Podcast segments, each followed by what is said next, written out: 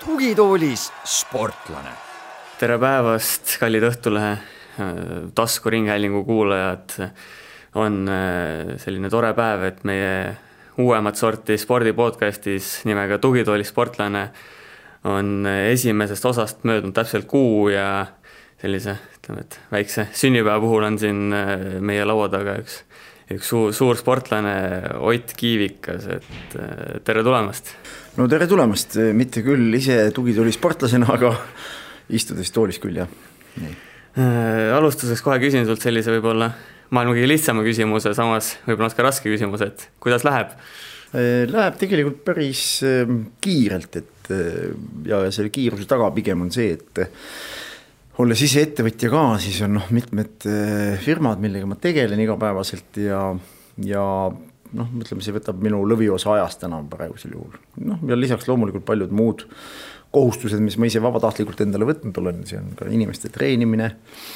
ja, ja siis eh, erinevad võistlussportlaste ettevalmistused, noh, nii-öelda, et, et need on põhiline, mis mul praegu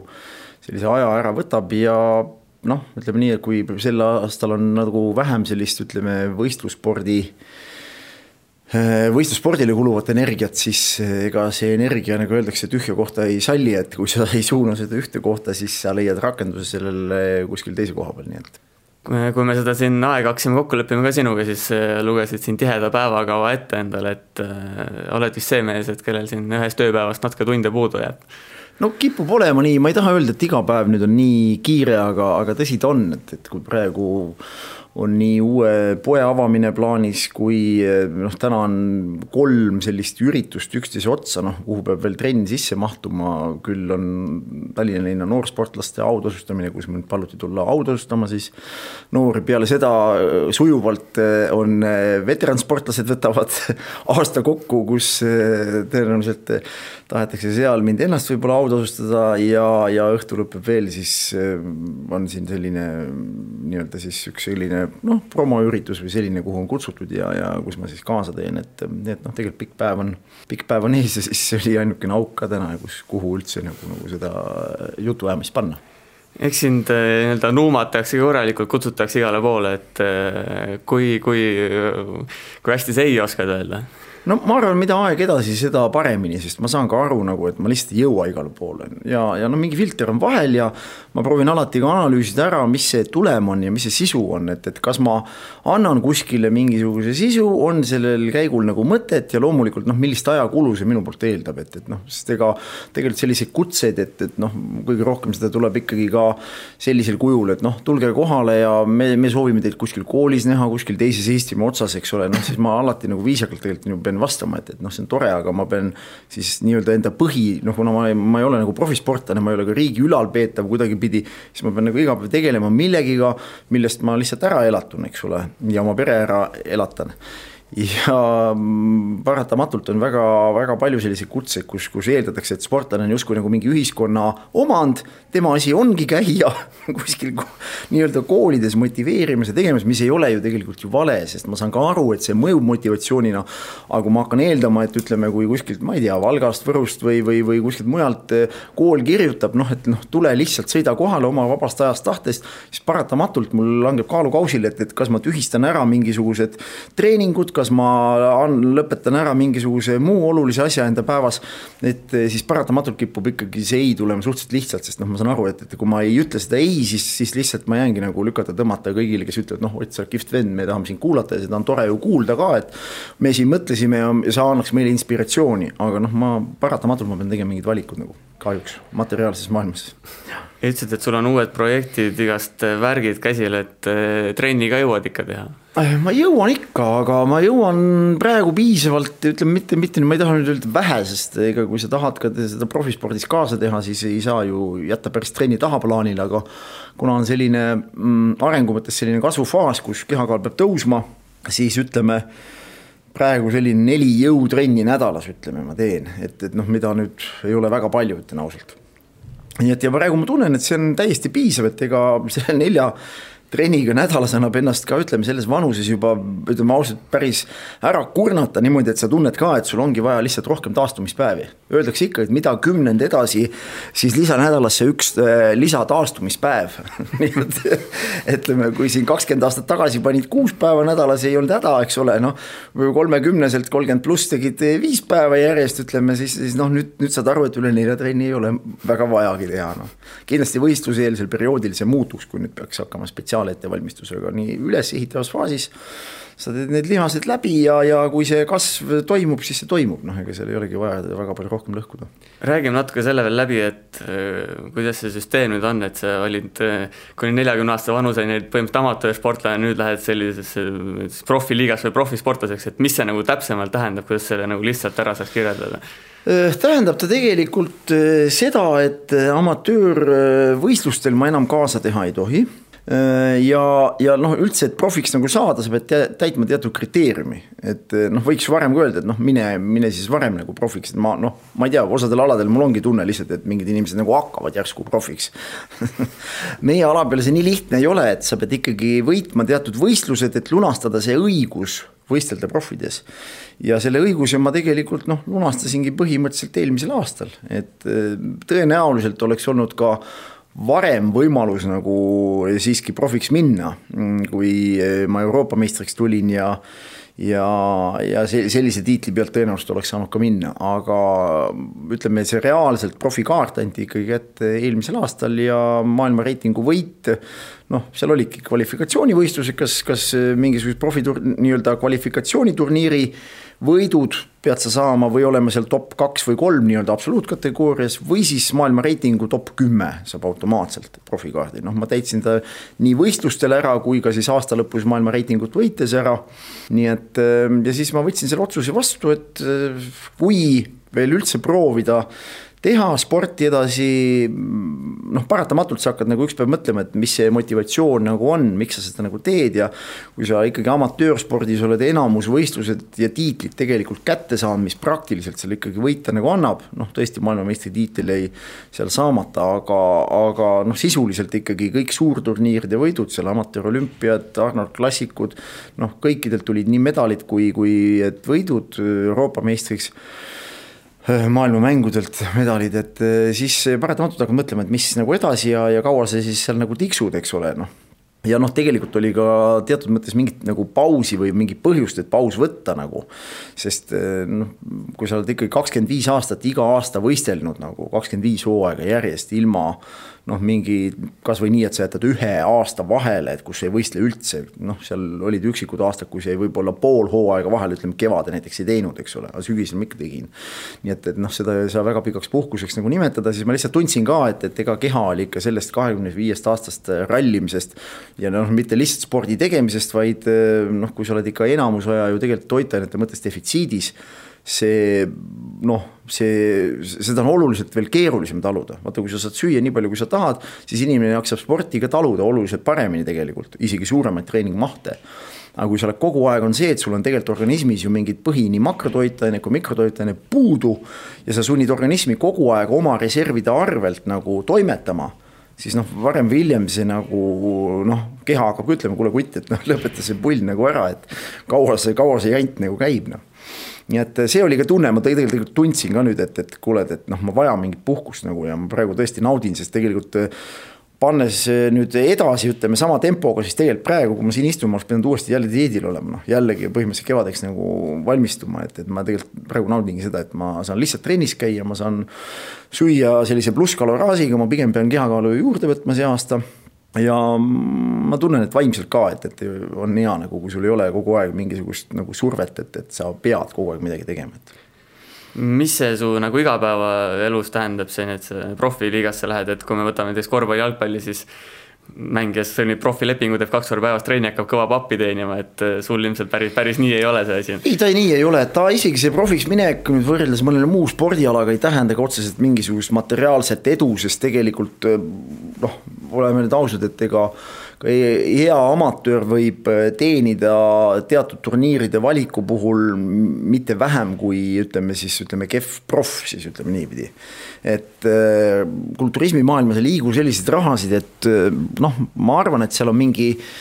profides iga distsipliini, noh, kuna seal on mitte ainult kulturism, aga seal on ka olemas, ütleme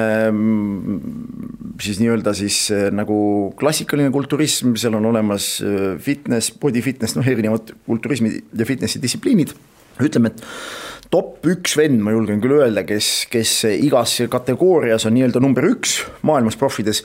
see tõenäoliselt elatab ennast täna võistlemisega nagu ära rahulikult käis lihtsalt turniirilt turniirile ja seal on rida seltsimehi, kes aastas võidab põhimõtteliselt kümme profiturniiri. Noh, iga turniiriga sõltuvalt nüüd turniiri tähtsusest pistad sa tasku, ütleme seal paariteist tuhandest kuni kümne tuhande euroni sõltuvalt turniirist, noh, mis sa võid korrutada ära. sealt tuleb päris arvestatav summa nagu kokku, millega ütleme, keskmine tavaline inimene rahulikult võiks nagu noh, tööl käies teenida. aga sa teenid seda võisteldes, nii et aga, aga minu jaoks ei ole kindlasti see nüüd mingi põhjus, miks ma seda teen. ja võib nii-öelda olla seal number üks, noh, see, see ei ole üldse mingi lihtne tegemine, sest tegelikult see seltskond, kes amatööridest profidesse liigub, see on ikkagi ikkagi see seltskond, kes on põhimõtteliselt samamoodi amatöörspordis eh, kõik saavutanud, noh nii Euroopa meistrid, maailmameistrid eh, liiguvad edasi, et ja võistlevad siis omavahel nii-öelda, et seal on lihtsalt see sõel, profides on see sõel vahel, et et sinna lihtsalt niisama juhuslik vend ei satu. Et seal sa oled ikkagi pidanud juba varem ennast läbi tulemuste tõestama. amatööris võib vabalt olla nii, et me lähme, sina võistled esimest korda, mina olen kakskümmend viis aastat võistelnud ja piltlikult öeldes juhus läbi me satume ühes kategoorias lavale seisame kõrvuti võrdleme, eks ole aga seal sellist asja ei ole, noh, nii et, et see ongi, see kvaliteedivahe tuleb lihtsalt sisse. profides on nagu selge kvaliteet, seal on, on vähem võistlejaid nii-öelda korraga laval, aga seal on nagu kõik on nagu ütleme, kvaliteet. On, on see, seal ei ole nii, et vaatad, okei okay,, esimesed kaks-kolm on head, mingi neli-viis venda on, saad aru, et need on mingist teisest materjalist üldse, et eh, nad ei nagu ei kvalifitseeru siia, seal sihukest asja ei ole kas põhimõtteliselt võib siis öelda, et kui sa siin nüüd päris tippude tipp ei ole, siis ikkagi see kulturism ja fitness on selline ikkagi mingil määral hobi, et ta ei ole selline ikkagi sport, millega sa ainult ära elad? päris kindlasti, ta on noh, vaata ta täna võimaldab paljudele äraelamist seeläbi, et need inimesed üldjuhul, kes selles valdkonnas võistlevad ja teevad, nad on tihti lähedalt seotud, nad on kas ise treenerid, nad on ise kas seotud erinevate toidulisandite või riiete või mingi selliste äridega nii-öelda või nende nii-öelda reklaami nägudena, noh selge, et selle jaoks sa pead ka olema mingi esimese suurusjärgu staar, et, et kui see sulle rahaliselt hakkab sisse tooma. seda, et sa lihtsalt keegi annab sulle mingid toidulisandid ja dressid, noh sellest sa ju tegelikult ära ei ela, et, et nii et. ütleme, kui targalt seal toimetada ja karjääri üles ehitada, siis on see võimalik, aga noh, sa pead olema lisaks siis headel tulemustel, sa pead ikkagi täna, tahad või ei taha, sa pead olema nagu ka sotsiaalmeedias suhteliselt nagu aktiivne. sest kurb on, tähendab tänapäeval see, et kui varem oli väga selge lihtne kriteerium spordis sa pidid olema hea sportlane ja ütlen ausalt, ega kedagi väga rohkem ei huvitanud, mis sa vabal ajal tegid. siis täna on see, et sa võid olla väga hea sportlane, aga kui sind ei ole sotsiaalmeedias olemas, kui sind meedias ei kutsuta väga kuhugi, sa ei käi võib-olla teatud põhjustel ise, siis ausalt öeldes ega sa väga sport, sponsoritele väga korda ka ei lähe, noh. nii kurb, kui see ka ei ole. Ja võib-olla täiesti sportlane, kellel polegi nii häid tulemusi, aga tegelikult, kes sponsorrahasid saab oluliselt rohkem või toetust tänu sellele, et ta on aktiivne, teda vaadatakse, jälgitakse palju. ja, ja nii see on kahjuks et kui sa pole sotsiaalmeedias, siis sind ei ole olemas põhimõtteliselt. no julgeks täna küll öelda sportlastele jah, noh nii see on, sest ega täna ju ma vaatan ise ka, miks minuga paljud ka firmad tahavad koostööd teha ja toetavad. on ikkagi see, et ma olen sotsiaalmeedias aktiivne, et ma ei ole nüüd ütleme noor sportlane, aga vaatamata oma vanusele ma olen läinud selle sotsiaalmeedia ajastuga nagu kaasa ja mul on suhteliselt palju jälgijaid seal, nii et, et noh, see on ka üks põhjusi võib-olla sellest profiliigast natuke nüüd rääkides, et äh, sellest dopingu asjadest on juttu olnud, et kas, kas ongi nii, et siis põhi, põhimehed seal panevadki iga päev mingi, mingeid aineid ja, ja sina üritad siis seal nii-öelda puhtalt läbi lüüa? noh, dopingu kontroll, ütleme profiliigas tegelikult puudub, jah, see puudub seal, aga küsimus ongi noh, eks ta taandub igaühe ja, ja piltlikult öeldes tegelikult keegi ütleme seal võisteldes keegi ei keelaks ka mul seda kasutada aga küsimus on väga lihtne ja põhimõtteline, ma olen kuni tänase päevani kaasa arvatud, ma olen tegelikult, kuulun siis nii-öelda antidopingu programmi Adams, mis tähendab seda, et ma olen tegelikult igapäevase jälgimise all siiamaani, mind sealt välja arvatud. nii et Eesti spordis on ikkagi väga selged kriteeriumid ja arusaamad ja niikaua, kui ma seal olen ja mitte ainult siis, kui öeldakse üks päev, noh, sa Ott nüüd ei ole enam Adamsis, nüüd sa hakka panema, ei. ma ütlen, kui sa oled nii kaua ilmas juba elanud ja sul on mingid põhimõtted, siis ütlen ausalt, ega sa selle põhimõtte vastu enam selles vanuses ei lähe noh lihtsalt no ma ei saa aru, miks ma seda tegema peaks nagu. kui sa oled olnud sellise puhta spordi nagu muster kogu aeg ja siis järsku nagu kõik saavad aru, et kuule, sa kasutad järsku hakkad siin nelikümmend, ma ei tea, kaks pluss hakkad kasvama nagu pärmi peal. saad kümme kilo kuiva lihasmassi juurde, no siis tekib ju küsimus, et, et mis, mis asi see siis nagu on, eks ole, et äh, ei, see ei. ma arvan, ma ei, ma ei võidaks läbi selle mitte midagi nagu tegelikult, pigem kaotaks mingi väärikuse dopingukontrolli ei ole, aga kas mingi reglement või asi on ees, et mida sa võid ja mida ei või või, või seal ei nagu, seal paneb? ei, profispordis tegelikult kulturismis vähemalt ei ole ja, ja kuigi me ju teame ja ma olen sellest ka väga palju rääkinud, kuigi amatöörspordis justkui paberi peal dopingukontroll eksisteerib noh, igal võistlusel sa kirjutad alla, nõustun antidopingu reeglitega, olen kontrollitav, võin see aga noh, reaalsuses ma ei mäleta, kunas ma viimane, viimast korda võistlusjärgselt kontrollis nagu käisin või, või nägin, et keegi mu konkurentidest oleks seal käinud nagu noh. ma küsin, mis, mis siis tolku on, kui me kirjutame piltlikult öeldes mingi seadusi ette, aga keegi seda ei järgi, noh. jah, kuskile näidatakse dokumentatsiooni, kuskil öeldakse, me teeme, ma küsin, mis siis tolku on, kui seda tegelikult ei tehta ju aga see ei tähenda jällegi seda, et, et see oleks ka endal kuidagi andnud kiusatuse või teha, sest nagu ma ütlesin, me oleme, ma olen olnud nüüd aastaid juba selles samas antidopingu programmis, kaasa arvatud eelmine aasta, kui ma maailma reitingu võitsin, noh, mul oli ju tegelikult kodus tihti käidud ju kontrollimas nii verd kui, kui uriiniproovi tehtud ja pff, ega ei ole vahet, noh, kui sa oled lihtsalt nii kaua teinud seda asja, kui sa metoodiliselt tead ja tõenäoliselt, kui sul on mingit geneetilist asja kantud, siis äh, ma näitasin väga selgelt, et tegelikult saab seda spordiala sellises seltskonnas ka teha, kus noh, valdavalt on dopingust läbi hindunud, saab teha ka puhtalt, noh kas seda kõik usuvad või ei usu, noh, see on juba nende inimeste probleem, aga mina vähemalt tean, et ma olen teinud seda puhtalt ja. ja näidanud ka neile kõige võib-olla skeptilisematele, et, et sõbrad, et noh, te võite iga aeg tulla kontrollida ja noh, kui see vahele seal ei jää või, või noh, mis siis ei ole ka põhjust ju öelda, et kuule, et sa kasutad ju midagi, et. ja noh, kui siin ongi võistluskaal selle kahekümne aastaga pigem on langenud kui mitte tõusnud, noh, ma ütlen ausalt, mehed, kellega ma võistlesin kümme aastat tagasi koos, ütleme seal kuni üheksakümnes, üheksakümne viies noh, need on täna sisuliselt on paljud on raske kaalu ammu vennad, noh. Mina olen põhimõtteliselt kaotanud, ma ei tea, seitse kilo lihaseid selle ajaga ära, noh, teised vennad on kasvanud seitseteist kilo lihaseid, nii et noh. lihtne vastus sellele, kui, mis tähendab äh, puhas äh, sport ja mis tähendab äh, nii-öelda see, kui, kui kasutatakse teatud aineid ütlesid, et see aasta veidi teine lähenemine ka, et siin nii-öelda uued väljakutsed, et kas, kas see ongi nüüd sul selline vaheaasta või sa ikkagi nüüd võistled ka siin mingi aeg? ei, ma ei võistle see aasta päris kindlasti ja, ja eesmärk on sõna otseses mõttes lihtsalt taastada keha, taastada lihasmassi, mis on lihtsalt nagu öeldaksegi sellesama dieeditamisega kaduma läinud, sest ega ma olen ju omal ajal tegelikult noh, on oluliselt raskem tegelikult ka ja võistelnud palju raskema kehakaaluga. et kui ma siin lõpetasin ikka viimased, ma ei tea, neli-viis hooaega kuni kaheksakümne viies no ikka pigistasin muidugi sinna sisse, et ega ma seal päris naljalt nii, nii vähe kaalunud. aga olid ajad, kus ma kõige rohkem lavakaal on olnud üheksakümmend kolm kilo Eesti meistrivõistlustel. noh, kindlasti see ei olnud nüüd ütleme kõige kuivem vorm, aga, aga sisuliselt sihuke üheksakümmend, üheksakümmend üks oli suhteliselt kuivad vormid omal ajal ka, nii et tegelikult eh, ega mul ei olegi praegu vaja midagi muud teha, kui taastada, proovida taastada siis see lihasmass, mis mul tegelikult võib-olla siin viisteist aastat tagasi nagu oli, noh mis su see eesmärk on, see kaalu suhtes siis? no kaalu suhtes ma pean ikkagi siin sada, sada pluss natukene hooajaväliselt võtma kaalu üles. noh, ma tegelikult olen praegu juba sisuliselt mingisugune üheksakümmend neli, viis, noh sisuliselt sellest on kolm kuud on ju võistlemisest möödas, ütleme niimoodi, et eh, selle ajaga ma olen juba taastanud ära mingi kaheksa-üheksa kilo kehakaalu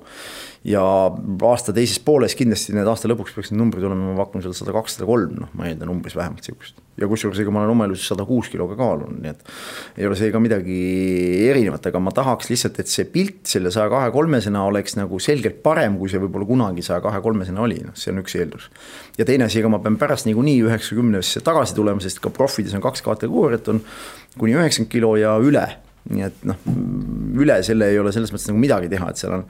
ikkagi mehed eh, sada pluss ja sada kümme pluss kaaluga esimene ots, noh. nii et eh, tegelikult reaalsus on ikkagi see kuni üheksakümmend. aga lihtsalt see üheksakümmend peaks samamoodi olema pressitud, nii et, et mitte lihtsalt, et sa kaheksakümmend seitse, kaheksa jalutad sinna kohale, vaid ikkagi nii, et sa oled võib-olla üheksakümmend kaks, kolm ennem ja, ja pigistad ennast üheksakümnesse sisse täpselt nii, nagu ma seda praegu kaheksakümmend viide teen, nii et. aga see on vähemalt poolteist aastat sihukest ülesehitavat treeningut kuidas kaalu kasvatad, et kas sealt sööd rohkem või sa võtad selliseid, ütleme, mingeid kiir-, kiireid kaloreid sinna? ei, eks ta on ikkagi tegelikult, ma käin ikka piltlikult öeldes oma toidukotiga ringi siiamaani, et, et see ei ole nii, et nüüd on vaja kaalu juurde võtta, nüüd ma lihtsalt lähen suvalisse kohta, söön palju tahan ja sisse mahub. ei, ei, ja seal on ja, ja teine asi on see, et on väga selge enam-vähem distsipliin, et kilo kuus peaks kuskil kehakaal tõusma, mis tähendab seda, et ka mitte kiiremini see ongi see, et kui sa ei taha nagu liiga rasvaseks minna, siis sa pead teatud nii juurdevõtmiseks peab olema plaan, kui mahavõtmiseks peab olema plaan. enamus inimesi hakkab seda umbes tegema, nad hakkavad lihtsalt mingit kaalunumbrit tagasi ajama, takka ajama ja lihtsalt ma võiks selle sada teha ka oluliselt kiiremini, see ei ole üldse mingi küsimus. küsimus on lihtsalt see, et ma saan aru, et füsioloogiliselt need protsessid ja lihaste ülesehitus on aeglane protsess, ehk seda ei ole mõtet isegi kiirendada, kui sa hoiad sellest raamistikust kinni, siis fakt, et aasta lõpuks see sada pluss seal peal on, noh. ja, ja lihtsalt mitte, mitte põskedes võib-olla ega, ega taljes, aga võib-olla kuskil, kuskil mujal ka nagu. Läheme siit sujuvalt edasi, et äh, sina oled eluaeg ikkagi kulturismiga tegelenud. Äh, praegu on palju Eestis ka fitness sportlasi, et mis nende selline peamine vahe on siin kulturismi ja fitnessi vahel? no põhivahe on ikkagi lihasmass, noh et äh, fitnessi alade levik ja populaarsus on tingitud ikkagi sellest, et ta on lihasmassi osas palju kättesaadavam ükskõik millisele inimesele, kes soovib nagu selle spordialaga tegeleda. et kulturismi puhul tegelikult takistuseks äh, on saanud ja, ja, ja noh, ta on ikkagi, sul peab olema väga hea geneetika, et sa suudad nii palju lihasmassi peale koguda, et sa vastaksid siis mingitele standarditele aga fitnessi puhul uued alad siin, klassikaline kulturism, rannafitness noh, ütlen ausalt, et eh, see on täna see kasvulava, et, et kus paljud inimesed saavadki ennast realiseerida. ja seal peab olema oluliselt vähem tegelikult lihaseid eh, peal, et, et juba nii-öelda võistelda ma julgen ka öelda, et tõesti ka maailma tasemel seal nii rannafitnessis kui klassikalises kulturismis see joon kulturismiga on juba väga väike. aga noh, see on see esimene ots ja, ja tõesti näiteks on olemas selline asi nagu muscular äh, men's physique, mis on siis selline muskulaarne nagu rannafitness ütlen ausalt, kui need vennad lava taga liiguvad, ega noh, kui neil neid ütleme siis võistlusvarustuses neid rannapükse jalas ei ole noh, ega siis ei saa arugi, sa mõtled, et kas ta võistleb kulturismis sinu kategoorias või ta võistleb selles rannafitnessis. et see vahe on läinud tegelikult ka lihasmassi osas juba nendel uutel aladel ka juba väga minimaalseks. teatud lihasrühmade osas võrreldes kulturismiga tegelikult aga mm, jah, mul on selles mõttes on ikkagi hea meel, et see laienemine on nagu toimunud, et rahvusvaheline alaliit omal ajal hakkas neid asju edasi arendama. sest kui ta oleks jäänud ainult ütleme noh, kui ma alustasin ju võistlemist, oli üks spordiala, see oligi kulturism, mehed ja naised ja vastavad kaalukategooriad. et ja noh, võistlejate arv oli ka vastav, ega siis kui ma, ma tõin ju näiteid, kus olid Eesti karikavõistlustel ja Eesti meistrivõistlustel oli põhimõtteliselt kõikide kategooriate peale kokku alla kahekümne sportlase noh, siis võid ette arvata, et oli kategooriaid, kus oli üks võistleja, kus oli kaks. noh, kui sul oli juba kolm võistlejat kategoorias, see oli juba üldse väga kõva, noh täna on see, et on meil mingid võistlused, kus põhimõtteliselt ainult bikiinivõistlejaid tuleb ühes kategoorias kuusteist, seitseteist lavale, noh põhimõtteliselt ühes kategoorias on nii palju naisi. nii et eh, see alade laienemine on loonudki tegelikult sellise fitness kultuuri, mida me täna ju enda ümber näeme ja, ja noh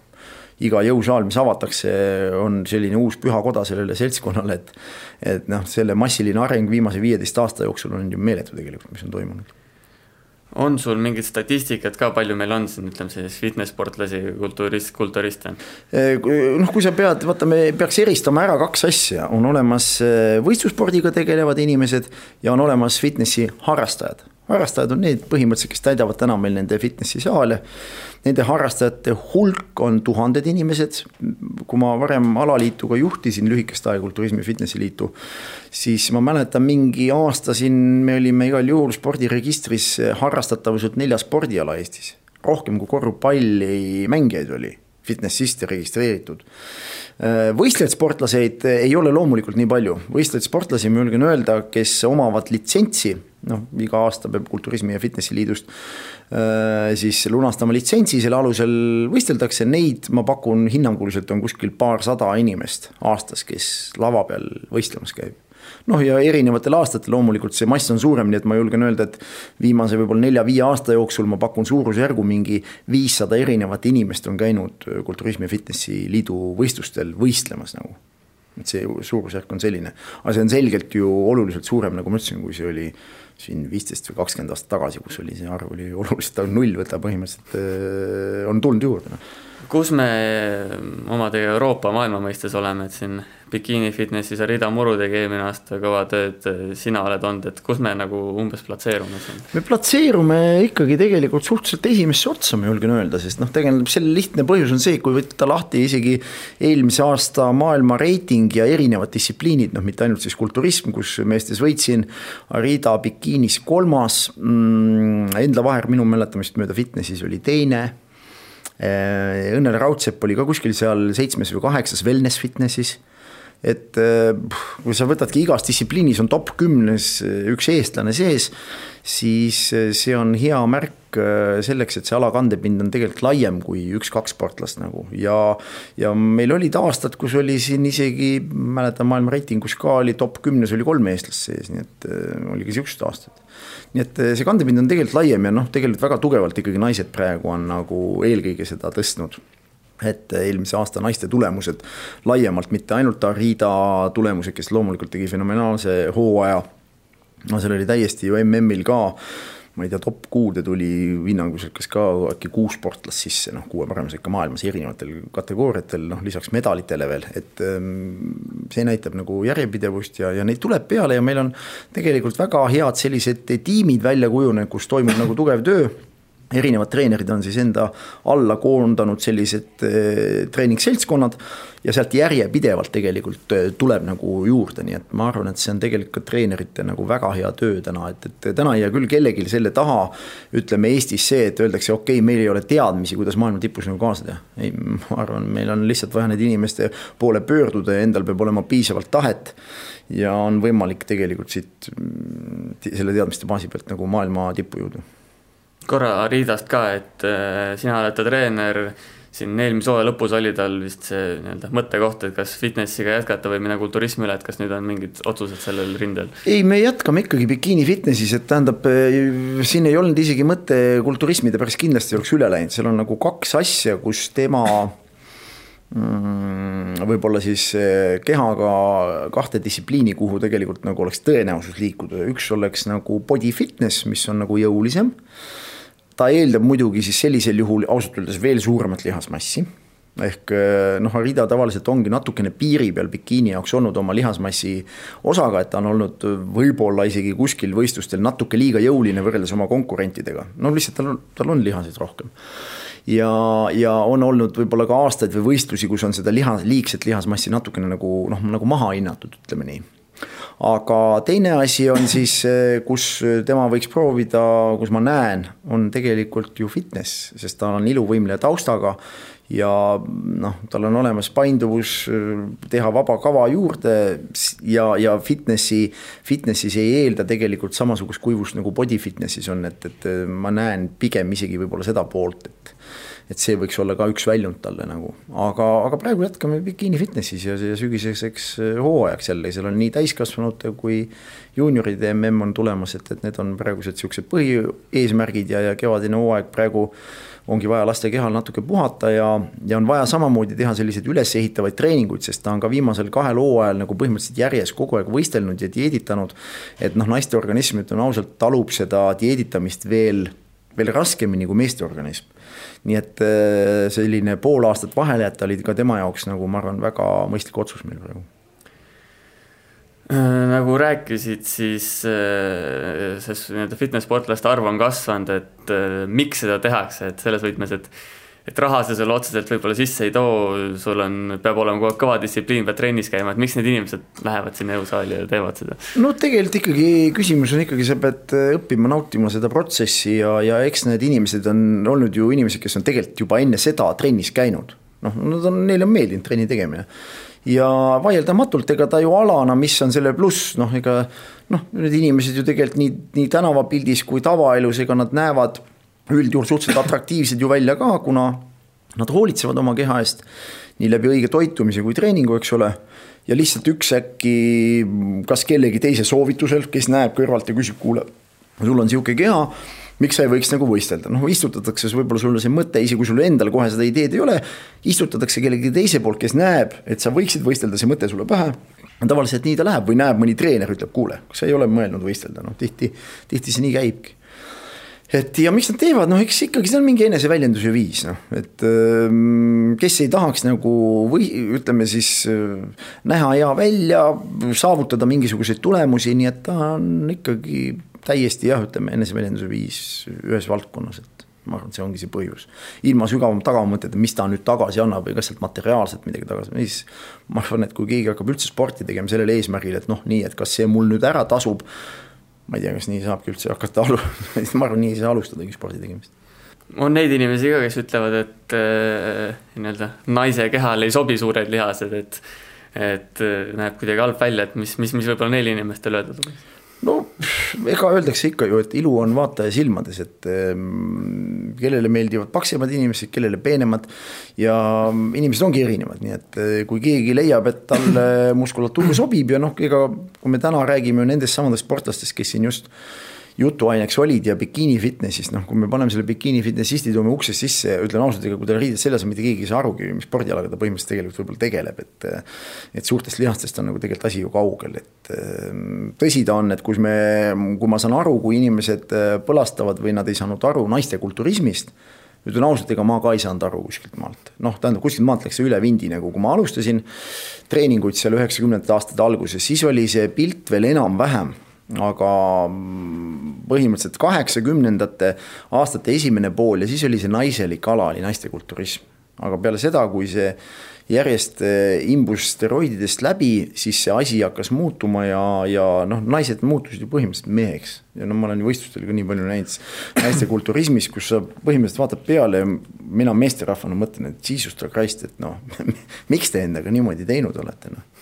sa oled ju nagu naisterahvas, et, et no, miks sa tahad nagu mees välja näha, ma ei saa aru nii et ei, sellest ma saan täiesti aru ja, ja, ja selge, et noh, see ongi absoluutselt teistsugune asi ja samas noh, proovid nagu ka aru saada, mis seal selle inimese peas toimub, kes siis neid lihaseid iga hinna eest nagu on tahtnud saada ja. ju tal on seal oma mingi point ja noh, nagu öeldaksegi, siis ei saa inimesi sellepärast hukka mõista, et ta mõtleb või saab mingitest asjadest teistmoodi aru, nii et, et eks neid tuleb samamoodi aktsepteerida. aga ma arvan, et see, mis toimub praegu fitnessi maailmas, et see on selles mõttes ikkagi nagu positiivne nähtus, et, et ta on ta ei, ta ei ole eemaletõukav, kas see kõigile arusaadav on, see on iseasi, aga noh, ma vaatan paljusid asju, ega ma ei pruugi kõikidest asjadest aru saada. ja mm, kui ma ei saa seeläbi pealiskaudselt nagu paljusid asju hukka mõista, et kuna ma ei ole viitsinud süveneda, et, et mis see, mis selle taga tegelikult on. sest ma arvan, kulturismi ja fitnessi puhul üks nagu asju, mis mis siis äh, segab võib-olla sellist arusaama ja, ja võib-olla selgemat arusaama spordi tegemise mõttes on ikkagi see, et see lavaline tegevus tundub nagu selline lihtne, edev ja selline pealiskaudne nagu. aga kahjuks me ei suuda tuua mm, võistluste käigus välja seda tööd, pühendumist, mis selle taga on, põhimõtteliselt, mis toimub eesriide taga nagu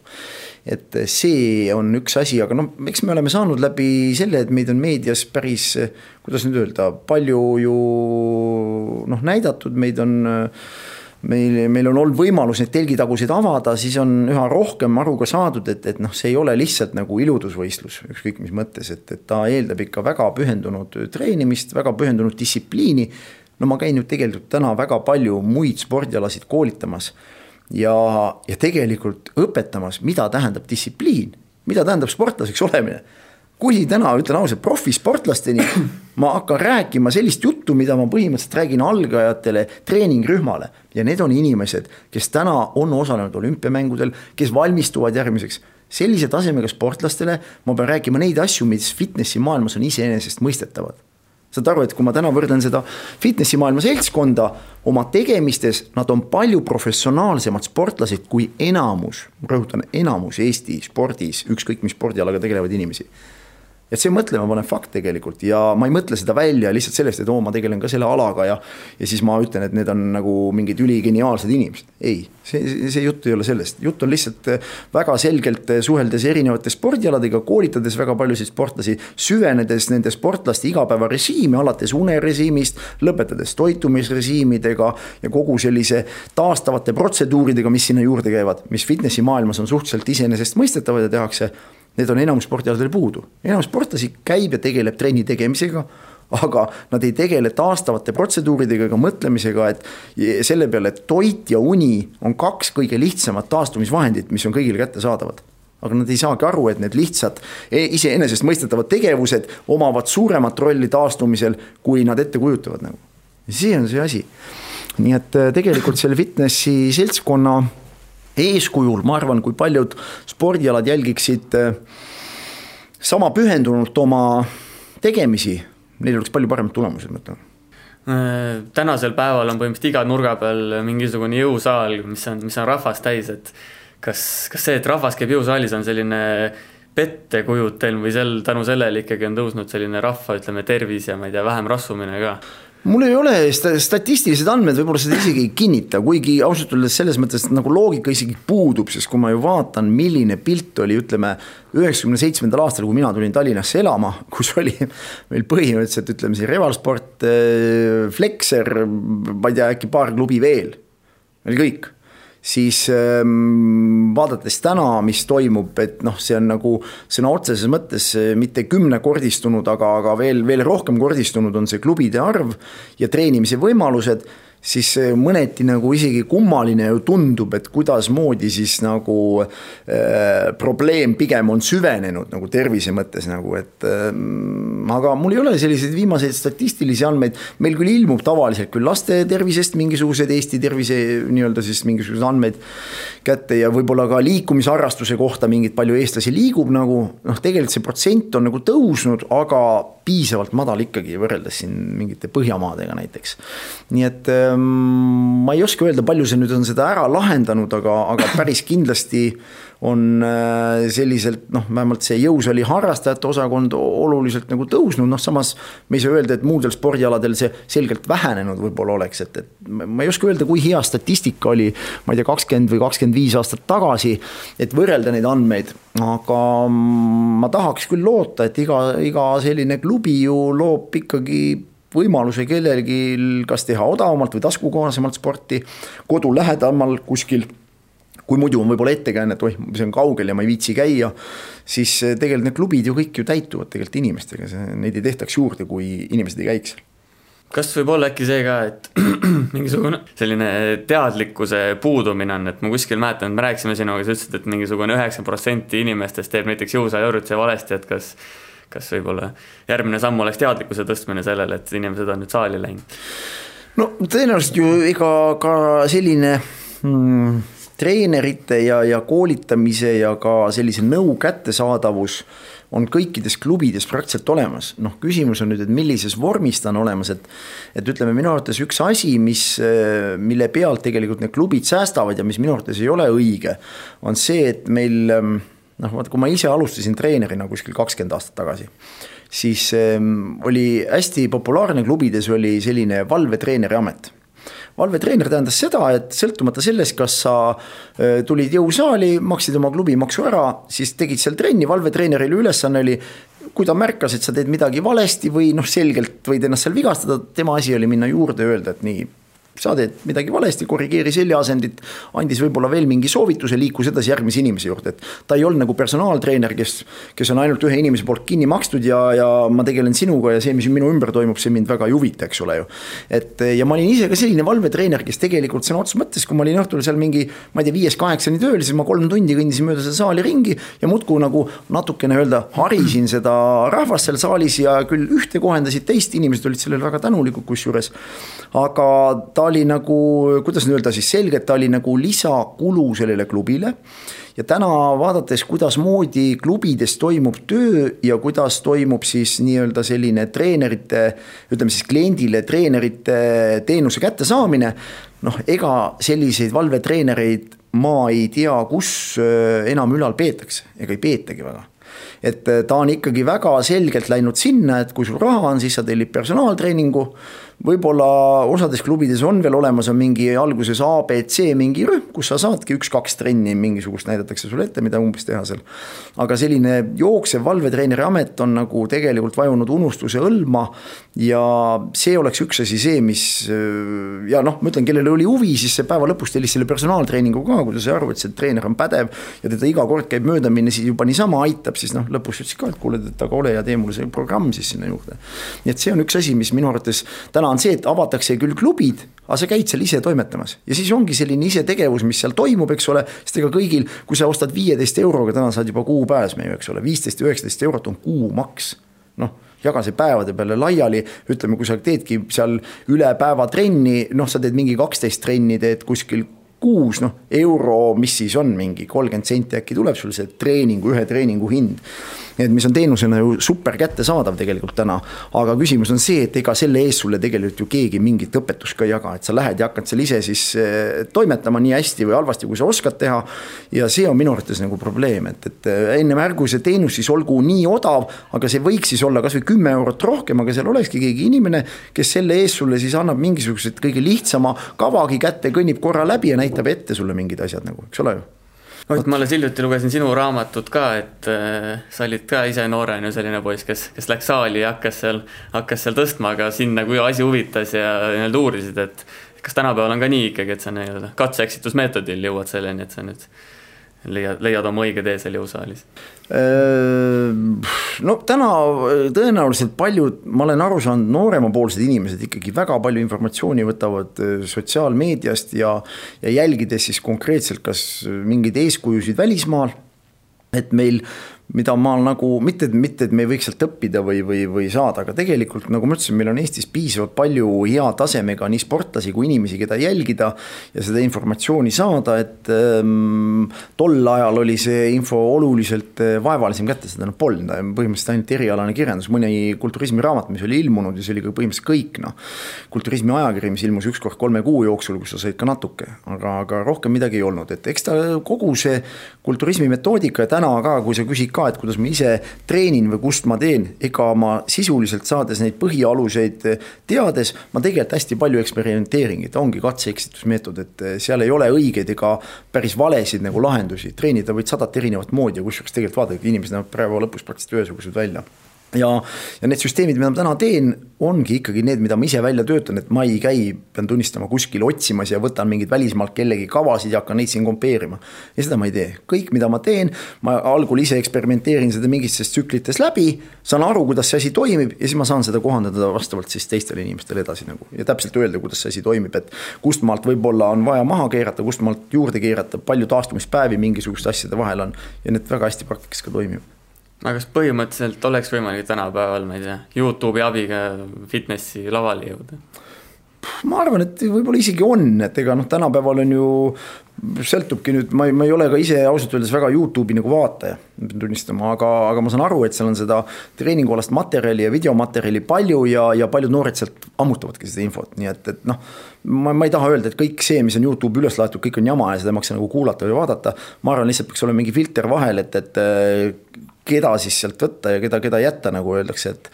et alati ma tahan öelda, et kõige suuremate lihastega vend ei pruugi olla kõige targem vend, ma tahtsin öelda seda, et äh, tihti selgubki, et selle edu taga seal on hoopis mingisugused muud asjad, miks, miks mingid inimesed näevad sellised välja.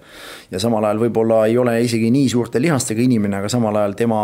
filosoofia, teadmised inimkeha põhiselt ja treeningmetoodikast võivad olla oluliselt nagu suuremad, et äh, nii see on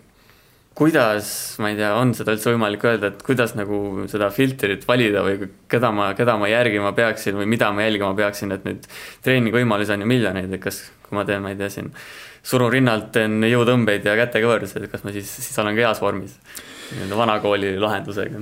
noh, ega tegelikult eh, vormi saavutamise jaoks ei pea olema absoluutselt tipp jõusaali, tõesti piisab sisuliselt eh, kangist, hantlitest ja on võimalik ju terve keha treening teha.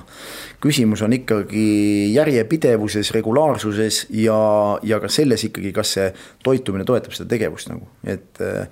et inimesed tihti arvavadki, et oi, et umbes, et kui mul ei ole nüüd mingit tipptasemel jõusaali kõrval, et siis mul ei tasugi hakata harjutama, sest noh, ma niikuinii ei saa siis tulemust tegelikult põhitöö ja alguses ka, kui me alustasime treeningut, tehti suhteliselt kangi ja hantlitega enamus harjutused kõik tegelikult ja ja väga palju aastakümneid tagasi enam-vähem tihti piirduski harjutuste või ütleme siis treeningvahendid piirdusidki nende samade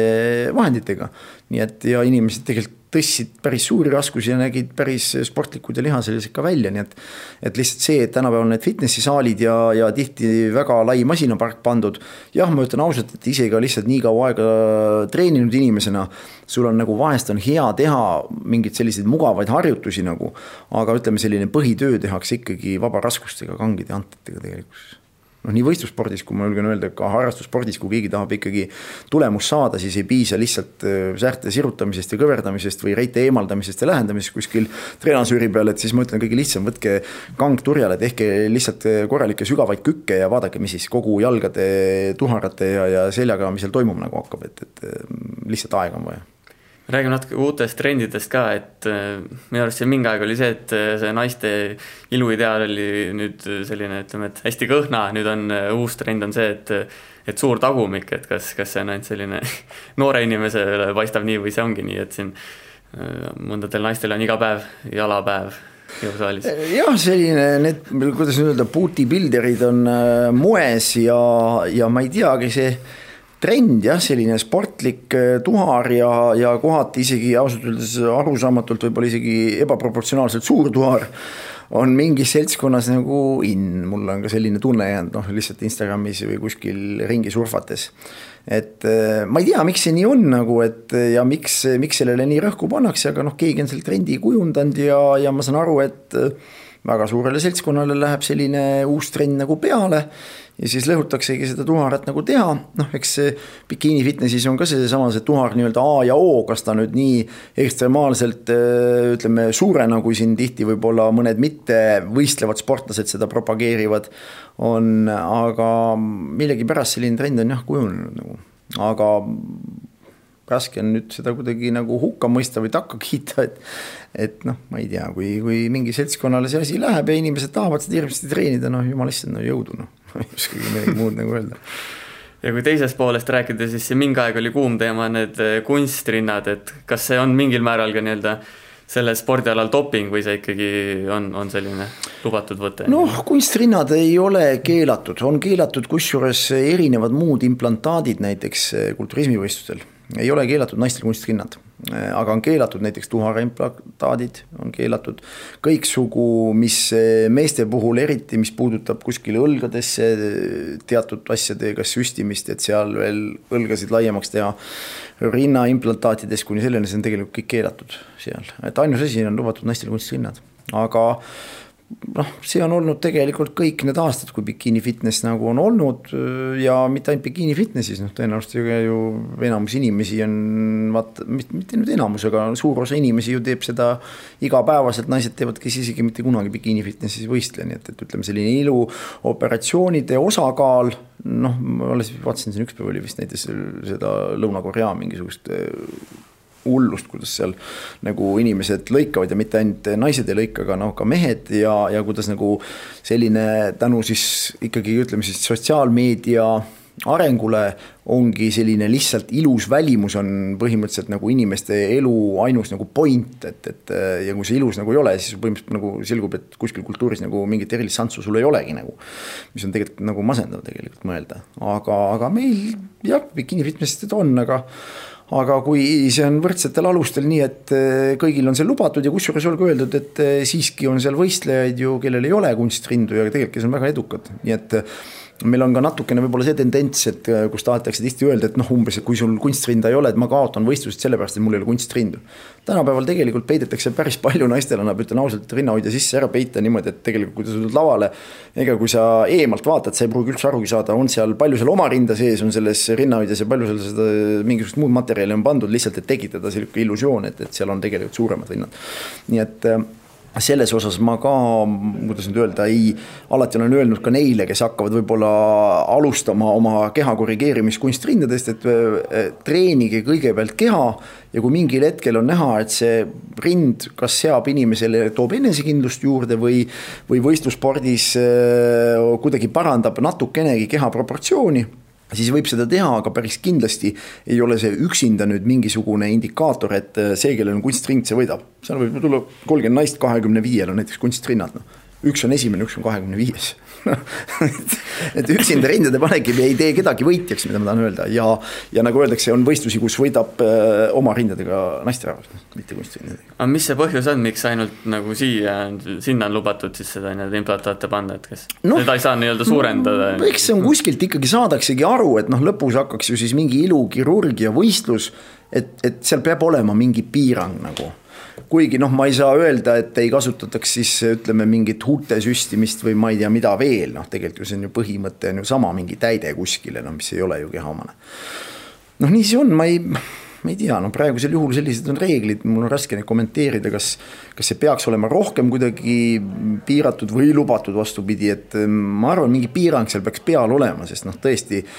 ma ei kujuta ette, kui inimesed hakkaks veel kehaproportsioonide parandamiseks endale ribisid eemaldama, et saavutada ju keskelt veel peenem koht, eks ole noh, ma ei tea, siis võiks hakata juba tõesti, siis, siis tekiks küsimus, mis selle treenimise nagu mõte päeva lõpus on, kui. kui enamus nagu lihtsalt lõigatakse või pannakse ja luuakse illusioon nagu treenitud inimesest, aga tegelikult selgub, et inimene tegelikult trenni teha ei viitsigi nagu, et jah sotsiaalmeediast oleme natuke rääkinud, et äh, Instagramis tõepoolest tänasel päeval leiab ikka igasuguseid äh, naisi igasuguses asendis, et kas see on mingi probleem, et näiteks, et äh, keegi nüüd tavaline äh, Mari vaatab seda, tekib selline mingi alaväärsuskompleks või midagi, et, et pean, pean ka olema selline ja nii-öelda laitmatu välja nägema. ma ei, jah, ma ei, ma ei oska ka sellele nii täpselt vastata, noh vaata, ega igaüks ju kujundab oma selle nii-öelda profiili seal ise noh, ja, ja selge, et fitnessi maailmas on ta läinud nii, et noh, mehed panevad napimas riietuses pilte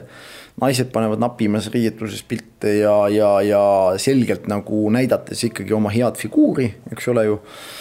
ja noh, keda see siis motiveerib pingutama, keda see siis, kellest tekitab see mingeid teistsuguseid tundeid, aga noh, see sõltub ka ju.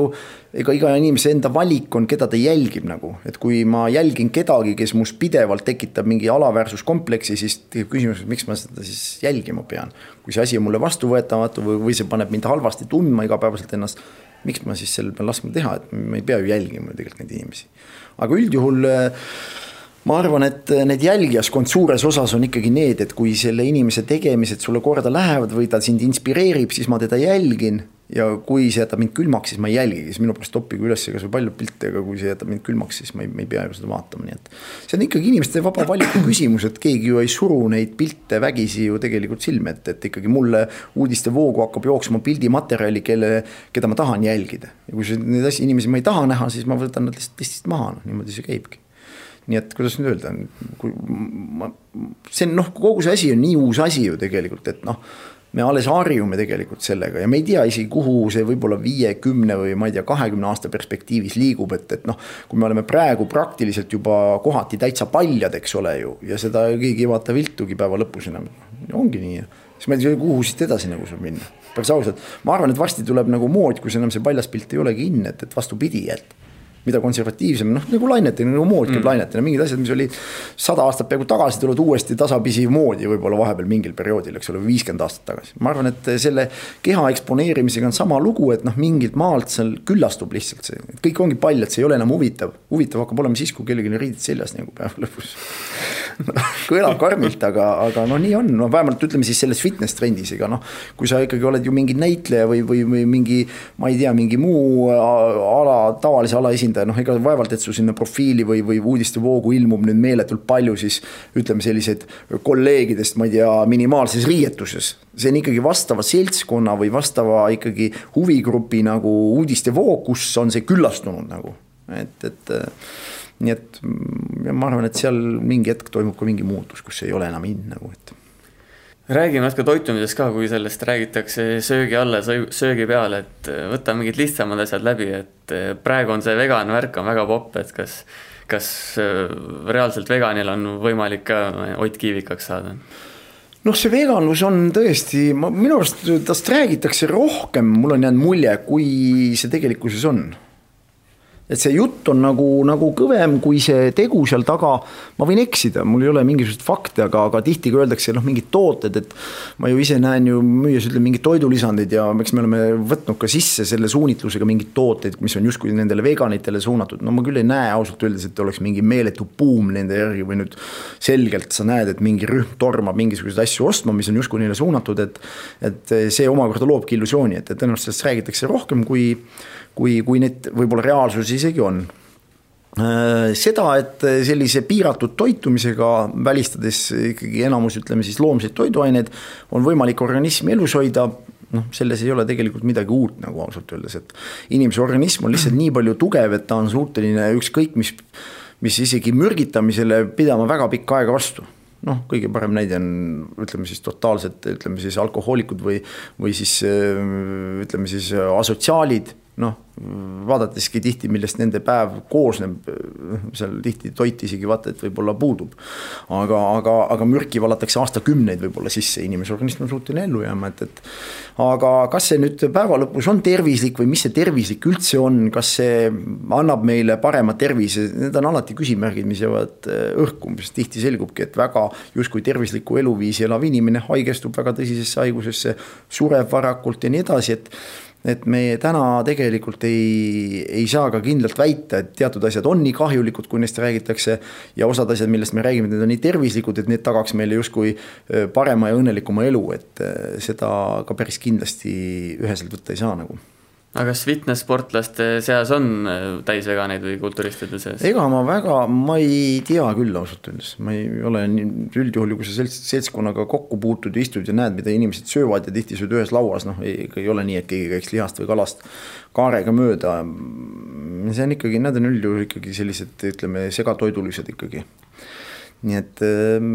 ma, kuidas öelda, ma ei mõista ka neid inimesi hukka, ma lihtsalt tihti, kui ma teen ka toitumisloenguid, mida ma käin tegemas ma lihtsalt nagu alati olen proovinud aru saada, et eh, miks inimesed sellised valikud nagu teevad nagu. et mul on kohati tunne, et paljud noored täna teevad seda lihtsalt selles, kuna see on nagu popp või, või see on mingisugune nagu mingi trend justkui. aga nad tegelikult isegi ei saa aru, mida see veganlus või, või ka taimetoitlus, mida need endast tegelikult tähendavad ja tihti, kui ma hakkan mingeid küsimusi seal küsima teatud toiduainete tarbimise kohta, siis selgub, et inimesed, kes väidavad, et nad on justkui nagu taimetoitlased, selgub, et nad söövad äh, selgelt loomseid produkte ja, ja osad, kes väidavad, et nad on veganid, selgub, et ka nende toitu satub sisse ikkagi loomseid toiduaineid tegelikult. seda, kui inimene ei söö liha ja kala, see ei tähenda seda, et ta on koheselt taimetoitlane nii-öelda, nii et, et noh, seal on nagu palju selliseid nüansse, mida tihti väga pealiskaudselt, et loomulikult on võimalik ka kõikidest, ütleme, loomsetest toiduainetest praktiliselt ka kõiki vajalikke aminohappeid ja, ja, ja rasvhappeid kätte saada. aga see eeldab väga häid toitumisalaseid teadmisi ja see eeldab väga rikkalikku ja kirevat toidulauda, et äh, aru saada, et kui ma kuskilt mingeid asju kätte ei saa, siis ma pean asendama selle teise toiduainega. aga minu arusaam küll, et see seltskond ikka selles osas väga teadlik ei ole ja tihti lihtsalt lülitatakse mingid toiduained välja, eeldatakse, et organism saab ise nagu hakkama. noh, eks ta alguses saabki hakkama ja siis nagu ma ütlesin, inimesega päevapealt ei juhtu ju midagi nagu isegi kui sa oled harrastussportlane, siis mingi hetk, kui sa tahad lihast kasvatada, siis vähemalt toidulisandid teevad su elu selles suhtes kergemaks, et äh, kuidas nagu, on sul mingi lihtne valem, kuidas selles maailmas nii-öelda orienteeruda, et neid ju valikuid on ka tuhandeid? noh, toidulisandite kasutamine, selge, et ka harrastusspordis on üha levinum ja üha nagu populaarsem. ja ega nagu nimi ka ütleb, et noh, toidulisandit me vajame ikkagi juhul, kui meil tavatoidust midagi puudu jääb. ehk ma olen alati soovitanud ka kõigepealt inimestel ikkagi esimese hooga vaadata, et ja analüüsida, et kui endal ei ole seda teadmist või oskust, siis lasknud kasvõi mõnel treeneril või, või, või inimesel, kes seda asja jagab, natukene üle vaadata oma toitumine ja kui see leiab, et sealt on midagi puudu, noh siis on võimalik see toidulisanditega nagu asendada. aga põhilised asjad, mida täna ka toidulisandite maailmas, mida nagu mõistlik on kasutada või teha, noh kindlasti esimese asjana kohe tuleb pähe aminohapped, kuna aminohapped on kogu keha ülesehitusmaterjaliks, siis eh, tihti selgubki, et inimene tavatoidust ta küll sööb nii-öelda siis ka toiduainet, kus ta saab neid asendamatuid aminohappeid. aga ütleme nii, et eh, ka treeningu käigus, et koormust paremini taluda, näiteks dieeditingimustel, siis tegelikult selline väike kogus aminohappeid aitab seda juba oluliselt paremini teha, nii et ehm, ja noh, samamoodi kasvõi mingi valgukontsentraat kuskil peale treeningut koos süsivesikutega, et käivitada taastumisprotsess, noh selle jaoks ei pea ka tegelema nagu ka tippspordiga, et seda nagu teadvustada ja, ja endale nagu menüüsse lisada, nii et, et noh. samal ajal ma ei tähtsusta nagu ka toidulisandite poolt selles mõttes üle, et, et öelda, et umbes, et kui sa nüüd toidulisandeid ei kasuta, et siis sul ei ole mõtet nagu trenni tehagi või et sa ei saavuta mingit tulemust, et eks ta ikkagi hakkab tavatoitumises kogu see asi pihta ja. ja mõistlikus koguses meie kliimas olles teatud ka isegi vitamiine või mineraale või ka rasvhappeid on mõistlik juurde kasutada. sest lihtsalt ka D-vitamiin on üldjuhul inimestel madal, et, et noh, ka samamoodi räägime samamoodi nii-öelda toidulisanditest, mida me siis lisaks peaksime võtma, kui me ei saa tavatoidust neid asju kätte küsin sellist paar nii-öelda välkküsimust ka toitumise kohta, et lühidad kiired vastused, et eh, kas toorest muna tasub juua? Noh, ega otsest nagu, kuidas nüüd öelda, ega see ei ole välistatud, ma lihtsalt pean mõtlema, mis, mis muudab selle toore muna joomise või, või, või selle, miks ma peaks seda nagu tegema täna, kui sa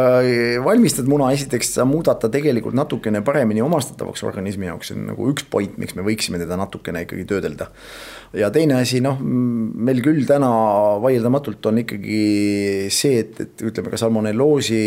noh, toore muna, muna puhul ainus asi, mis nagu selline oht, mis jääb, on see, et kui me teda ei kuumuta või ei töötle, siis, siis teatud määral ütleme, kui seal on see salmonelloosi bakter olemas, siis äh, organismil haigestuda salmonelloosi on suhteliselt äh, suur tõenäosus, aga noh, me teame ka, et, et täna ikkagi on ka see salmonelloosi kontroll suhteliselt tugev ikkagi nendes munafarmides ja asjades, kus need tooted välja tulevad. Nii et äh, kuidas nüüd öelda, ma ei, ma ei mõista seda hukka, aga ma ei näe põhjust, et noh, ma, ma ei tea, kas ma sain aru, lapsena mulle meeldis koogel-moogel, noh selline asi, mis tehti toorest munast ja lihtsalt visati sinna meeletu kogus suhkrust peale, et see asi nagu joodav oleks. kui see suhkur ära võtta, noh siis ausalt öeldes ma ei kujuta ette, mis muudab toore muna nagu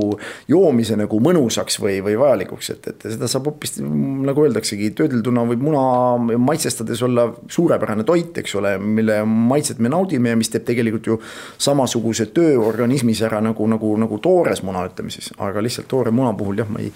saa aru, miks ma peaks seda toorena neid sisse valama. kurikuulus kofeiin, et kas enne trenni, trenni ajal, pärast trenni, hea või halb? kofeiin mõistlikus koguses on tõestatud ära, ei ole absoluutselt ohtlik asi organismile ja seda on väga palju, tegelikult kofeiini on uuritud päris palju ja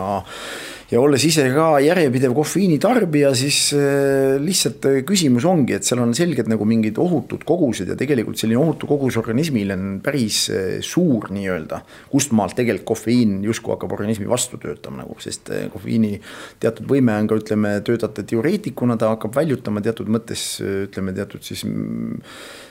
mak-, nii-öelda siis makro- ja mikrotoitained ja aga, aga et saavutada see üledoos, selle jaoks on tegelikult peaks see kohvi joomine olema sõna otseses mõttes tasside viisi päevas nagu, mida noh. kindlasti on inimesi, kes seda ka teevad, aga ütleme, selline kaks-kolm tassi kohvi päevas on, ma julgen väita küll täiesti ohutu kogus nagu ühel keskmisel inimesel nagu. ja pigem äh, enne treeningut võin väita kindlalt, et äh, parandab saavutusvõimet, korduvalt järgi proovitud et pigem siis enne, enne trenni juua et...? ja ma ei näe nagu pointide ju teda enne magama minekut hakata jooma, et ta on ikkagi selline jook, mis aitab meid käima saada ja fakt, et ta mõjutab kesk, kesknärvisüsteemi ühel inimesel rohkem, teisel vähem. aga miks me teda joome ja miks võiks öelda, et ongi teatud mõttes ka kohvisõltuvus olemas, on ikkagi see, et me tunneme teatud ajaperioodi jooksul eh, kontsentratsioonivõime tõusu me saame aru, et me mõtleme teravamalt, me oleme nagu erksamad ja kas me teeme siis vaimset tööd või füüsilist, siis ongi põhjus, miks me kohvi tarbime nagu. lihtsalt mingi hetk oli nagu selgelt äh, väideti, et, et kofeiin on nagu kahjulik selgelt organismile. aga tegelikult on kofeiini, nagu ma ütlesin, uuritud päris palju teaduspõhiselt ja ei ole ühtegi selget ega kindlat väidet, et see kuidagi organismi kahjustaks või oleks talle nagu negatiivne selge, et on olemas täiesti äärmused ka, kus nagu öeldakse, kui inimene joob kümme tassi kohvi päevas, noh, seda ma päris normaalseks nagu ka ei pea, et üks, ükskõik kui milline, kas toiduaine, jook või asi äärmuslikus koguses ei ole ükski asi, isegi tervislik toit äärmuslikus koguses, kui me tarbime seda üle, ei ole lõpuks enam tervislik, noh. et ikkagi see peab olema organismi põhiselt ja, ja nii palju, kui organism suudab seda vastu võtta, mitte lihtsalt seda, et me hakkame kohvi jooma vedeliku vajaduse saamiseks piltlikult öeldes, selle jaoks on vesi olemas aga päris niimoodi kangi tõstmise vahele ei jooks ikkagi või kohe pärast treenit, no, vedeliku viib, viib välja käest? seal puudub vajadus, nagu ma ütlesin, kui sa tahad, et saavutusvõime tõuseb, ega kofeiini toime on praktiliselt ikka sihuke kaks-kolm tundi, vaata, et see toimib. nii et noh, kui sa jood teda enne trenni vahetult ära, siis trenni lõpuni enam-vähem see asi toimibki sul organismis ja puudub vajadus seda kuidagi lisamanustada treeningu käigus veel siis. et eh, see ongi põhjendus jah, miks, miks pigem enne trenni jah Ott, ma pean sind kiitma ka, et sa oled üks mees vähemalt, kes, kes minu teadliku, teadlikkuse kohaselt nii-öelda hakkas seda nii-öelda fitness tooteid ja neid asju siin äh, toite turule tooma, et okei okay,, see esimene kohupiimaseeria võib-olla maitselt ei olnud nii hea, aga sealt edasi on nagu kõik läinud, läinud, läinud ülesmäge, et et nüüd on sul need salatid ja värgid, et äh, kui, kui palju sa veel selle asjaga nii-öelda edasi lähed ja kui, kui, kui laialt nii-öelda nojah, ütleme, kui siin Valioga tehtud, ütleme siis kohupiimad ja kogu see profiilsari, millele me siin mõned aastad tagasi hakkasime tegema ja tegelikult see oli innovatsioon Eesti ka piimatööstuses väga selgelt nagu, et, et enne seda ju tegelikult analoogtooteid meil ei olnud. siis äh, edasi sealt äh, tõesti praegu, kuhu ma jõudnud olen, on ikkagi oma toidu tootmine, mul on ikkagi enda ettevõte, Miili brändi alt me seda teeme ja, ja on värsked salatid siis äh, kana, lõhe ja, ja, ja kitsejuustuga see on selline, esimesed kolm toodet, aga ma julgen öelda, et lähi lähikuu jooksul tulevad tervislikud vrapid ja võikud, kus on samamoodi lihtsalt tõstetud makrotoitainetes valgu osakaalu, rasva osakaalu on vähendatud ja, ja ütleme, süsivesikuid on mõõdukalt ja need on pigem sellised aeglasema imenduvad süsivesikud, et, et kui ma räägin seal quinoaast, kui ma räägin bulgurist eh, ja ja, ja need on siis mõte, mõte asjal ongi selline või on, ütleme siis täistera, kas vrapina või, või siis ütleme siis võikuna on täistera leivana et eh, mõte on ikkagi seesama, et, et muuta see nii-öelda justkui toit, mida ma ju ise valmistan ja kui ma käin toitumisloomingut tegemas, siis ma ütlen inimestele ka, et, et noh, ma enamus toidutan tegelikult ise, et, et ma valmis toitu üldjuhul ei osta. aga noh, vaadatagi, kui palju on keskmisel tavainimesel nüüd motivatsiooni ise seda toitu valmistada, noh, ega väga ei ole, ütlen ausalt. siis mõtlesingi, mõtlesimegi, et okei okay,, aga kui inimesed ise ei viitsi seda teha, noh siis teeme, teeme selle valmis paneme selle kas karpi või pakendisse ja pakume seda siis sobilikus kujus, täpselt nii, nagu ma seda ise piltlikult öeldes kodus teen. on täna inimene ütleb, ma ei viitsi teha, siis ma ütlen, palun väga, täna on võimalik sellist asja nagu osta. ja, ja nad on selgelt jah, oma nii-öelda näoga kauba märgistatud, et, et seal on selgelt äratuntav persoon peal. ja kui mu teod ja, ja jutt inimesi kõnetab, noh siis üldjuhul täna ma julgen öelda, et need on päris hästi vastu ka nagu turul võetud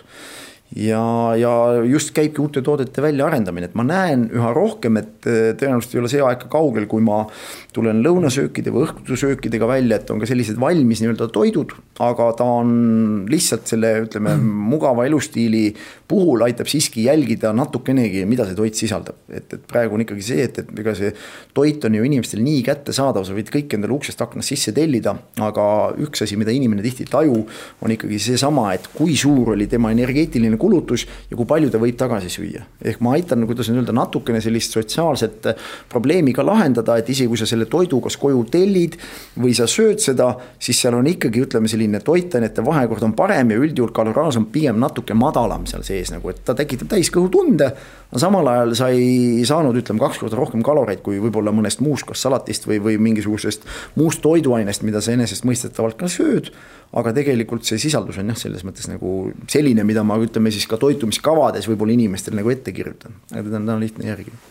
Meie omast kogemusest võin öelda, et elu on ikkagi tunduvalt lihtsamaks läinud, et üks asi on nüüd sinu tooted, samas oled sa mingil määral olnud teeraja eest teised tulevad ka sellega järgi, et siin Terel on vist need eh, pudingud näiteks, mis maitsevad hästi. see asi no, liigub siin päris nagu jõudsalt. see pani, tähendab, eks ta pani kõik liikuma ja selge, kui nagu nähti, et sellisele sihtrühmale, kus ongi selgelt ikkagi toiteväärtused, noh, vaata, inimesed on täna teadlikumad. ega see valgu tarbimine ja ütleme, vähem suhkrustatud tooted, eks ole, see trend sinna on mujal olnud ammu enne seda aga lihtsalt kuidagi Eestisse on kõik asjad tihti tulnud nagu väikse viivitusega Põhjamaade poolt, Soomes olid need asjad ammu olemas, eks ole. aga, ja tõenäoliselt kogu selle fitness kultuuri areng on olnud ka üks põhjusi, sest tegelikult need on need trendi loojad ka seal ees, et, et ja inimesed, kes nende poole abi saamiseks pöörduvad sisuliselt saavad ju samasuguse ettekirjutuse nagu need inimesed, kes head välja näevad. ja sealt see levib ka tavainimeste massidesse, kes lihtsalt käivad iganädalaselt treeningul ja, ja saavadki aru, et kui nad tahavad ka midagi oma keha puhul muuta, siis nad peavad ju suhteliselt sarnaseid ka toiduaineid tarbima, et saavutada kasvõi ligilähedane või, või enda jaoks nagu parem tulemus, Ott, sa saad tänavu neljakümne kahe aastaseks. lugesin su raamatut, sain teada, et sul on olnud kogu aeg ikkagi mingisugused eesmärgid, mingid võistlused võita, mingid kuhugi jõuda, et äh, mis su need nii-öelda järgmised sihid on, mille nimel sa nii-öelda hommikul üles ärkad? no mul on tegelikult äh, sellel aastal on ikkagi praegu võib-olla kõige suuremad asjad on ikkagi praegu ettevõtlusega nagu seotud asjad ja just tänu ütleme ka see toidutööstuse arendamine praegu, et ikkagi noh, meil on see firma on ju tegelikult alles mul neljas kuu toodab midagi. et seal on suured nagu muutused ees, seal on suured võimalused ees, et, et, et saada see, see firma korralikult käima ja teised ootused või asjad on seotud ikkagi tõenäoliselt nüüd õpilastega, sest noh, ei ole saladus, et mul endal tütar võistleb esimest korda nüüd bikiini fitnessis kevadel algajate võistlusel, et selline selles mõttes ka huvitav periood, kus, kus äh, justkui ise jätad vahele, aga lava tühjaks ei jää, et eh, kiivikas on ikka laval. Et, et eh, nii, et tütrega praegu valmistume ja tõesti seits-, ütleme siis esimene esimene võistlus on siis Pärnus, kuues aprill on algajate võistlus, Paane Sport Cup eh, ja sinna valmistume ja selles mõttes on nagu sihuke hoopis teistsugune tunne, et noh, ju tegelikult põhimõtteliselt nagu ise valmistuks, eks ole, elad nagu kaasa ja teed need asjad läbi, et ähm, väga sihukene huvitav tunne on ausalt öeldes, et ähm, ja, ja, ja loomulikult siis teiste õpilaste tulemused see aasta ikkagi, et noh, sügis kindlasti, kui siin Raigo Kuusnõmm, kes ka kulturismis on ju, võiks öelda mantlipärija valmistub sügiseks MM-iks, Raigo on vahepeal teinud ka minu arvates päris korraliku arengu nagu ja Rida sügisel astub välja ja lisaks on mul siin teisi õpilasi veel, kes ei ole nüüd ütleme noh, sellise suurusjärgu staarid. aga see on niisugune, see treeneri töö emotsionaalselt on mulle nagu meeldib, et, et kui sa nagu suunad, annad teadmised edasi ja siis sa näed päeva lõpus, kuidas tegelikult keegi teine läbi nende soovituste realiseerib ennast maksimaalselt. see annab tegelikult sellise väga kihvti emotsionaalse sihukese tagasiside ja, ja, ja feeling'u nagu et, et need on, ma arvan, kõige, kõige suuremad asjad sel aastal, mis mul on nagu, nagu plaanis nagu aga noh, tulevikus kindlasti järgmine aasta on ikkagi pro debüüt idee poolest võiks toimuda, aga ma tahan kindlasti seal ka välja minna siis, kui ma tunnen, et ma olen valmis nagu, et ma näen nagu teistsugune välja, et ma, ma ei rahuldu lihtsalt sellega, et. et öelda, et nii, nüüd ma olen mingisugune profivõistleja ja, ja lihtsalt lähen lavale ja olen seal, et, et see ei paku mulle mitte midagi nagu. et ma lähen siis, kui ma tunnen, et, et öeldakse, okei okay,, mis sa, vau, mis sa vahepeal teinud oled nagu kui või kui, kui keeruline see inimese geneetika on, et äh, oled nelikümmend kaks, võtad kaalu juurde, kasvatad lihast, et kui kaua nagu üldse kannatab oma keha nii-öelda töödelda selles suunas? noh, ega ma ju pole kunagi varem selles vanuses selles kehas olnud, et ega noh, see, mida ma räägin täna, on ka teooria noh, ja, ja ma saangi ainult proovida seda läbi teha ja tõenäoliselt me näemegi võib-olla järgmine aasta, mida siis inimene, ütleme siis juba neljakümne kahe või kolme aastasena on suuteline oma kehaga tegema naturaalselt, ilma kasutamata mingisuguseid lisaaineid. seda, et inimesed on ka viiekümneselt eh, suurte lihastega või kasvatanud lihasmassi, seda ma olen enne ka näinud keelatud ainetega, see ei ole mingi uudis, seal on noh, meeletu, mis on toimunud see ei ole uudis, kui sa viid ikkagi väljast meessuguhormoonid seal organismi sisse ja testosterooni, siis eh, see ei ole, sa võid kuuekümne aastaselt ka lihaseid kasvatada, sõna otseses mõttes. aga proovida seda oma nii-öelda hormoonide produktsiooni pealt teha on kaks erinevat asja nagu, et ma tegelikult seda saangi näha, et kuidas inimene pluss neljakümnes nagu, kuidas keha allub nii treeningutele kui, kui sellele, kuhu ma tahan teda suunata, no nii et, et tegelikult on selles mõttes, ma arvan, ka selline huvitav eksperiment ja mingi kogemus, et kui kunagi keegi teine tuleb mulle kas sama vanana või ligilähedaselt sinna kõrvale, ütleb, kuule Ott, et kas selles vanuses on võimalik midagi teha, siis ma saan talle väga ausa vastuse anda, näed proovisin järgi, reaalselt näed sa, juhtus sihukene asi vähemalt minuga, kas see sinuga nüüd juhtub, see on iseasi, sest see sõltub ju teatud mõttes geneetikast. aga ma saan kogemuse võrra rikkamaks, seda ma saan igal juhul. selge, aitäh Ott, et saatesse tulid. soovime sulle edu õpilastega, uute ettevõtmistega ja et profiliigas ka ikka läbi lööksid. suured tänud ja, ja tänan võimaluse eest ja loodetavasti siis kuulete kas must endast või siis õpilastest õige pea, aitäh oh..